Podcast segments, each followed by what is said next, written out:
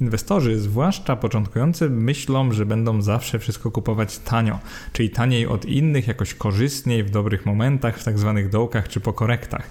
Prawda jest jednak taka, że nie jest to takie proste, jak mogłoby się wydawać. Ja się nazywam Mateusz Samołyk, to jest podcast Inwestomateu, a dzisiaj opowiemy sobie taką ciekawą dość historię o strategii kupowania w dołkach, czyli właśnie po korektach i obsunięciach indeksu. Skąd się wziął w ogóle pomysł na taki podcast, na taki klip?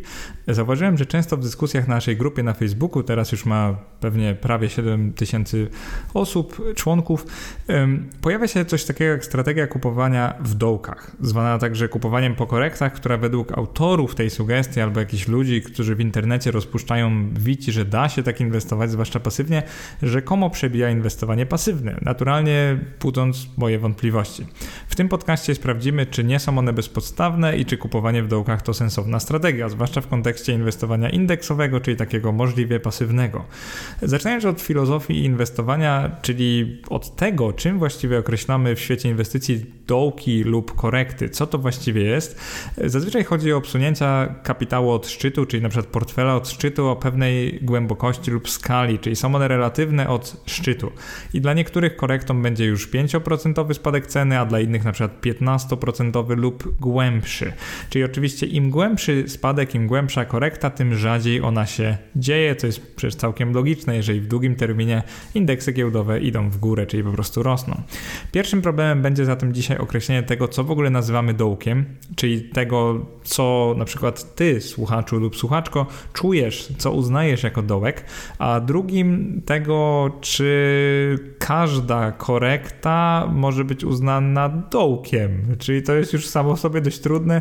My nie wiemy, czy to będzie dołek, czyli później będzie od razu odbicie, czy to będzie bardzo głęboki krach, który będzie trwał kilka lub kilkanaście lat. Tego po prostu wiedzieć nie możemy. Także jeżeli obstawiamy zawsze na tych dołkach, czy jeżeli wyczekujemy z kapitałem na inwestycje na dołku, to prawda jest taka, że często trafimy na faktycznie płytką korektę i kupimy trochę taniej niż sąsiad czy sąsiadka, a bardzo często będziemy zwlekać z inwestowaniem i nie będziemy inwestować przez lata, nawet omijając jakieś bardzo dobre dni na giełdzie, ale równie często zrobimy tak, że poczekamy na korektę, ona okaże się kryzysem i zaczniemy inwestować w najgorszym momencie. Dlatego pytanie, które dzisiaj sobie zadajemy, to to, czy próba kupowania po korektach ma sens. I Często gracze giełdowi, podkreślam gracze, czyli osoby na przykład spekulujące, mówią, że powinno się po prostu kupować w dołkach, a sprzedawać na górkach. Przecież to takie proste.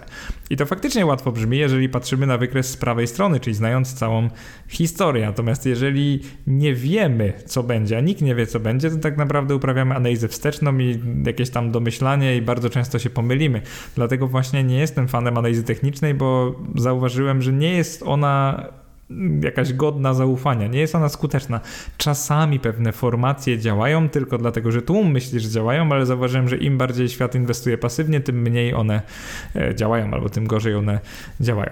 I teraz nie zrozumcie mnie źle, bo ci, którzy mnie znają, wiedzą, że ja sam w pewnym sensie uprawiam market timing, na przykład jeżeli chodzi o konkretne spółki, ponieważ e, pod grupą inwestowania aktywnego jest właśnie aktywne inwestowanie w spółki giełdowe i tam się tak lokalnie wyczekuje na odpowiednie ceny spółek i kupuje się je, jak uznaje się je za tanie. To jest po prostu wynik analizy fundamentalnej i to jest coś, co ja jak najbardziej robię na co dzień.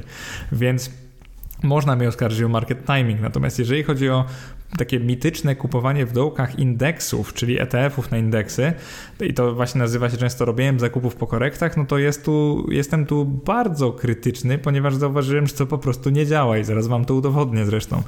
To jest takie inwestowanie swoją drogą pasywne, ale wyczekujące na jakieś dołki, czyli to już nie jest inwestowanie pasywne automatycznie, tylko jakieś aktywne, ale z taką dziwną strategią. Co my będziemy dzisiaj robić tak w teorii, czyli może dlaczego łapanie dołków powinno działać? Skąd skąd się w ogóle wziął pomysł. Indeks akcji wyobraźmy sobie, że jest na historycznych maksimach, a jego odczyt wynosi 1000. No i w pierwszym scenariuszu inwestor mimo wszystko lokuje 1000 dolarów w ten indeks, na przykład za pomocą ETF-a. Indeks zalicza na przykład jedną sesję wzrostową o 6%, więc inwestor ma 1060 dolarów wartości tego indeksu. Następnego dnia indeks traci 5%, czyli inwestor ma teraz 1007 dolarów, czyli jest trochę na plus, ponieważ miał ten dobry dzień, później miał bardzo słaby dzień, ale mimo wszystko jest na plus. I teraz scenariusz drugi no to inwestor woli przeczekać maksima i odpuszcza sobie inwestycje, bo przecież są maksima. Omijamy dzień, w którym indeks rośnie o 6%, czyli dalej mamy 1000 dolarów. Następnie omijamy dzień, w którym indeks traci 5%, czyli znowu mamy 1000 dolarów. Inwestor cieszy się, że był taki cwany, że przeczekał spadek i teraz po spadku wchodzi z tym tysiącem na giełdę. I to jest właśnie problem, jaki mam z wyczekiwaniem tych maksimów, minimów, ponieważ my nie wiemy, kiedy będą te najlepsze dni na giełdzie, a nie tylko teoria, tylko praktyka dowodzi, że najgorzej jest ominąć najlepsze dni na giełdzie. I właśnie z tego powodu moje portfolio zawsze ma jakiś procent w akcjach. Jeszcze chyba nigdy nie było tak, że w ogóle nie miałem akcji, po prostu trochę modyfikuję tę proporcję, czy jest to 40 czy 60%, zbliżam się do 100, ale czasami po prostu nie mam na to, nazwijmy to odwagi lub chęci, więc mam wtedy więcej obligacji lub na przykład kruszców. Natomiast y, z tych dwóch inwestorów, no to z lepszym wynikiem skończył ten, który nie ominął dołku, ale też nie ominął górki. Więc powyższa sytuacja, czyli taka próba ominięcia e, tych dołków, albo raczej z wyłapania dołków, ominięcia spadków, e, jest często nadużywana przez tak zwanych cwanych inwestorów, którzy właśnie unikają maksimów i często nawet przychodzą na nasze forum, naszą grupę i mówią coś takiego, że oni nie chcą zainwestować, bo teraz mamy maksima, tylko jeżeli spytam ich, ile razy mieliśmy maksima w ostatnich latach, to tak naprawdę co kilka dni mieliśmy maksima indeksu, zazwyczaj, tak przeciętnie. I zaczniemy od tego, że pokażę Wam strategię omijania szczytów, czyli robimy coś takiego, że kupujemy ETF na S&P 500 i znowu mamy taki bardzo długi horyzont, bo to jest 50-letni inwestycyjny.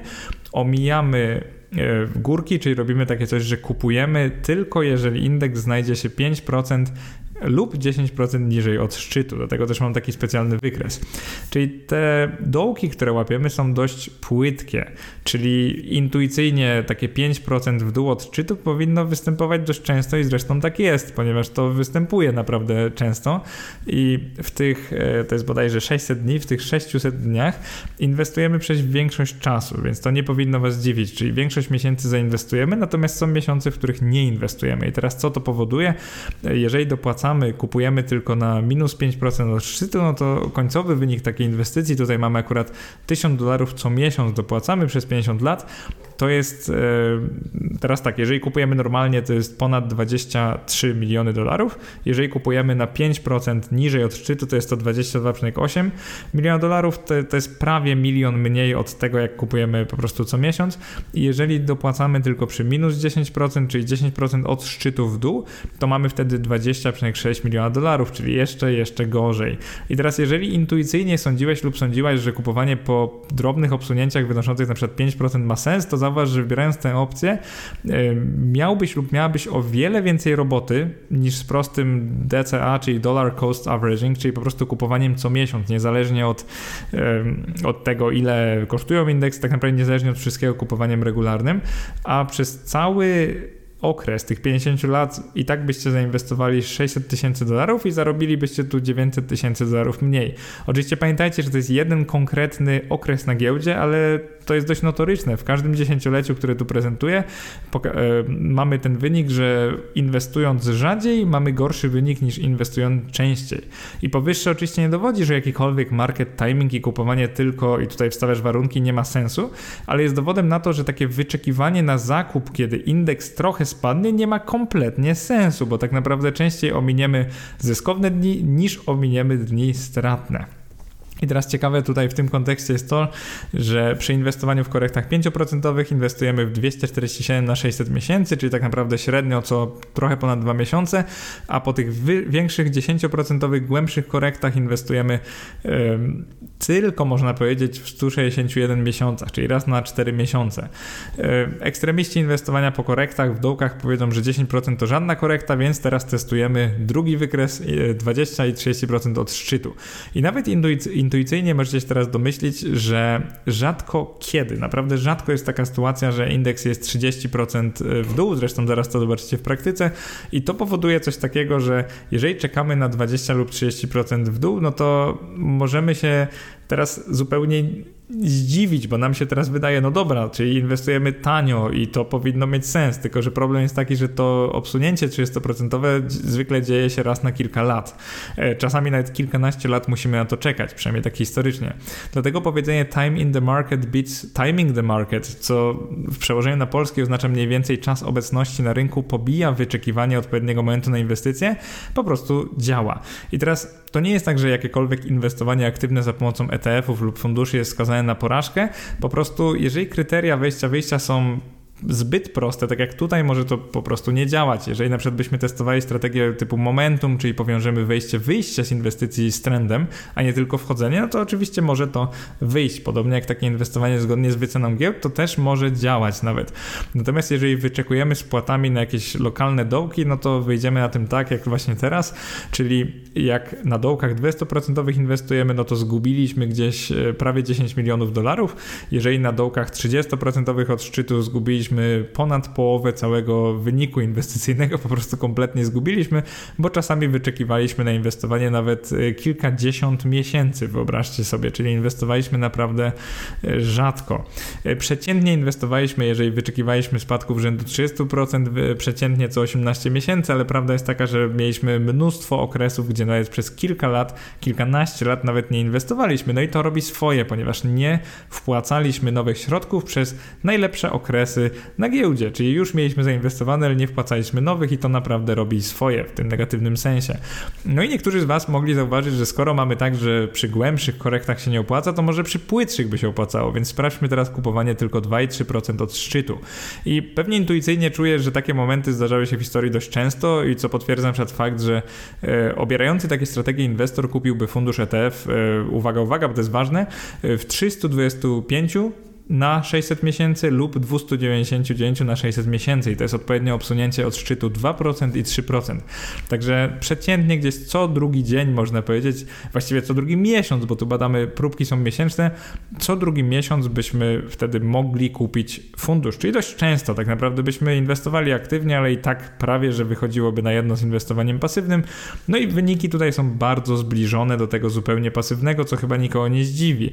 Więc jakbyśmy czekali na obsunięcia rzędu 2 2 czy 3%, to mielibyśmy wynik inwestycji nieco gorszy, bo tam zamiast 23,7 miliona mamy 23,25 prawie i 22,97, czyli jakby różnice są coraz mniejsze. Więc można powiedzieć, że mogłoby się trafić inwestorowi, który na przykład ustaliłby regułę, że 1% od szczytu, czyli po prostu kupuje, gdy od poprzedniego miesiąca był jakiś leciutki spadek nawet, że po prostu nie ma maksimów.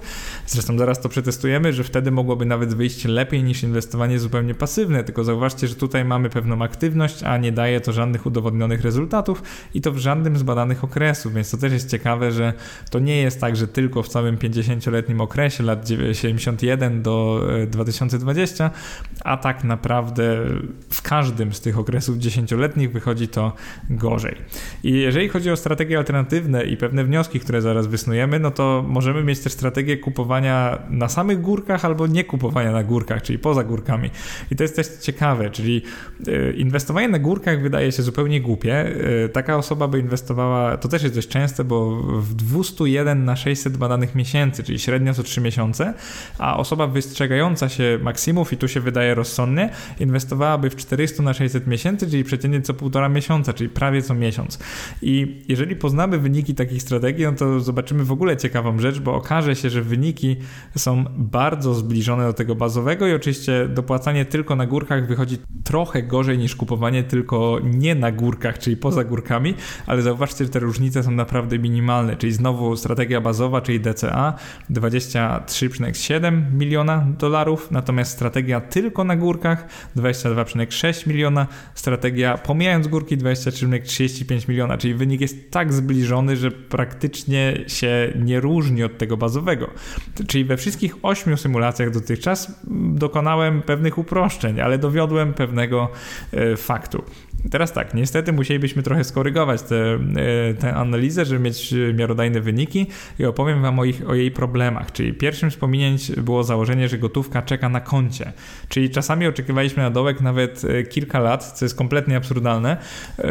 W tej najgłębszej strategii o spadkach nawet 30% czekaliśmy na zainwestowanie nowych środków 320 miesięcy w jednym okresie, czyli prawie 27 lat, co jest kompletnie absurdalne, więc absurdalne też jest zakładanie, żebyśmy czekali, na przykład nie zainwestowali w obligacje albo nawet na jakąś lokatę, więc jakby Samo to, że dałem tym środkom się zjeść inflacji, jest w pewnym sensie nieobiektywny i niemiarodajny, ponieważ gdybym indeksował oczekujące na inwestycje środki, np. inflacją lub wysokością stóp procentowych dla danej waluty, to przecież strategie alternatywne osiągnęłyby nieco lepsze wyniki.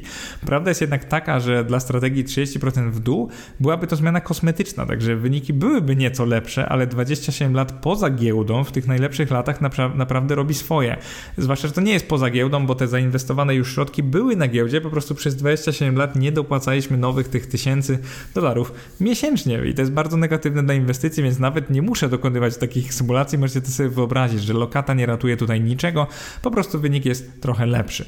Drugim brakiem tej strategii, tej symulacji może dzisiejszej jest próbkowanie co miesiąc, które ustępuje miejsca próbkowaniu co tydzień, nawet codziennie. No i próbkowanie odnosi się tak po inżyniersku do częstotliwości sprawdzania zmian indeksu od szczytu, czyli sprawdzałem co miesiąc, czy indeks obsunął się o wybrany e, wybraną powiedzmy amplitudę, wybraną wartość w punktach procentowych i to sprawiało, że strategie często łapały dołki dopiero po obsunięciach rzędu 12, 15 czy nawet 17% zamiast 10. I to trochę oczywiście zniekształca obraz działania strategii, ale z drugiej strony czyni ją bardziej realistyczną, ponieważ mało który inwestor indywidualny naprawdę badałby te zmiany i dokonywał ruchów każdego dnia, a przynajmniej mi się tak wydaje, że mało kto by to ogarnął i chciał ogarnąć. ogarnąć. Trzecim problemem moich analiz dzisiejszych było oparcie się tylko na jednym przynajmniej dość długim, bo 50-letnim, ale okresie lat 71-21. E, tak analiza jest przeprowadzona dla konkretnego rynku, czyli amerykańskiego, tam mamy tą wiary, tę wiarygodną historię i myślę, że podobne analizy można przeprowadzić dla innych indeksów, na przykład europejskiego, jakiegoś, może na przykład niemieckiego lub francuskiego, japońskiego na przykład też, australijskiego, kanadyjskiego, czyli moglibyśmy sprawdzić e, różne inne rynki rozwinięte i zobaczyć, czy tam jest też taka tendencja. No trochę nie odważył odważyłbym się tego wykonywać dla rynków wschodzących, bo tam jednak historia jest krótsza, na przykład w Polsce teraz 31 lat i taka 50-letnia analiza by była dla naszej giełdy niemożliwa lub e, zupełnie nieskuteczna, ponieważ tam nawet indeksy tak się zmieniały, że no ciężko to tak badać w tym kontekście. Teraz tak, podsumujmy efekty wszystkich strategii. We wpisie umieściłem taką tabelę. To była bardzo prosta analiza, więc tak naprawdę co możemy tutaj porównać? Wynik gorszy od DCA, czyli tej bazowej strategii co miesiąc. E, powiedzmy, że najlepsza była strategia dopłacania pomijając górki, czyli po prostu nie jeżeli jest na górce, ale i tak była o 1,43 e, punktu procentowego gorsza niż ten wynik standardowej strategii, co jest dość zabawne.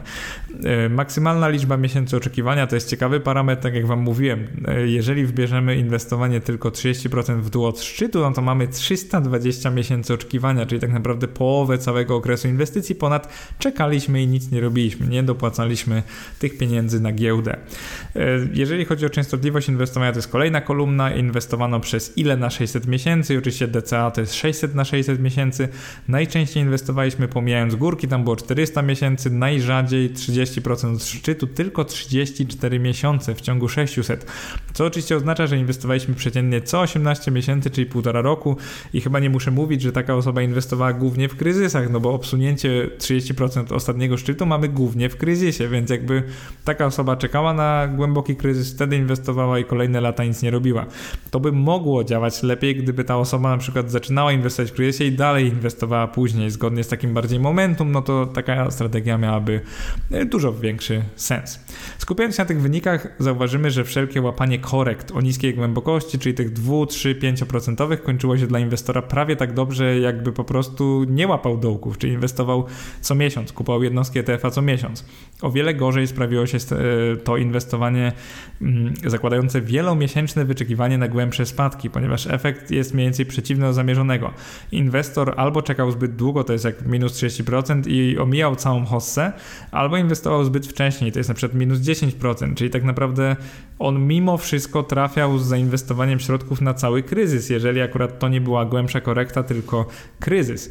Jaki jest wniosek z tego podcastu? E, przede wszystkim taki, że wystrzegajcie się wyczekiwania rynku, jeżeli inwestujecie pasywnie. To jest w ogóle paradoks, no bo wyczekując rynek już nie inwestujecie pasywnie, ale zauważcie, że takie działanie najprawdopodobniej skończy się dla Was wynikiem gorszym od tego osiąganego przez e, przeciętnego inwestora, przez indeks. Czyli nawet jeżeli teraz jest drogo, a będziecie inwestować daną kwotą miesięcznie, np. tysiącem złotych czy dolarów, Zauważcie, że i tak uśrednicie ten koszt zakupu w długim terminie, więc po prostu będziecie mieli rynkową stopę zwrotu.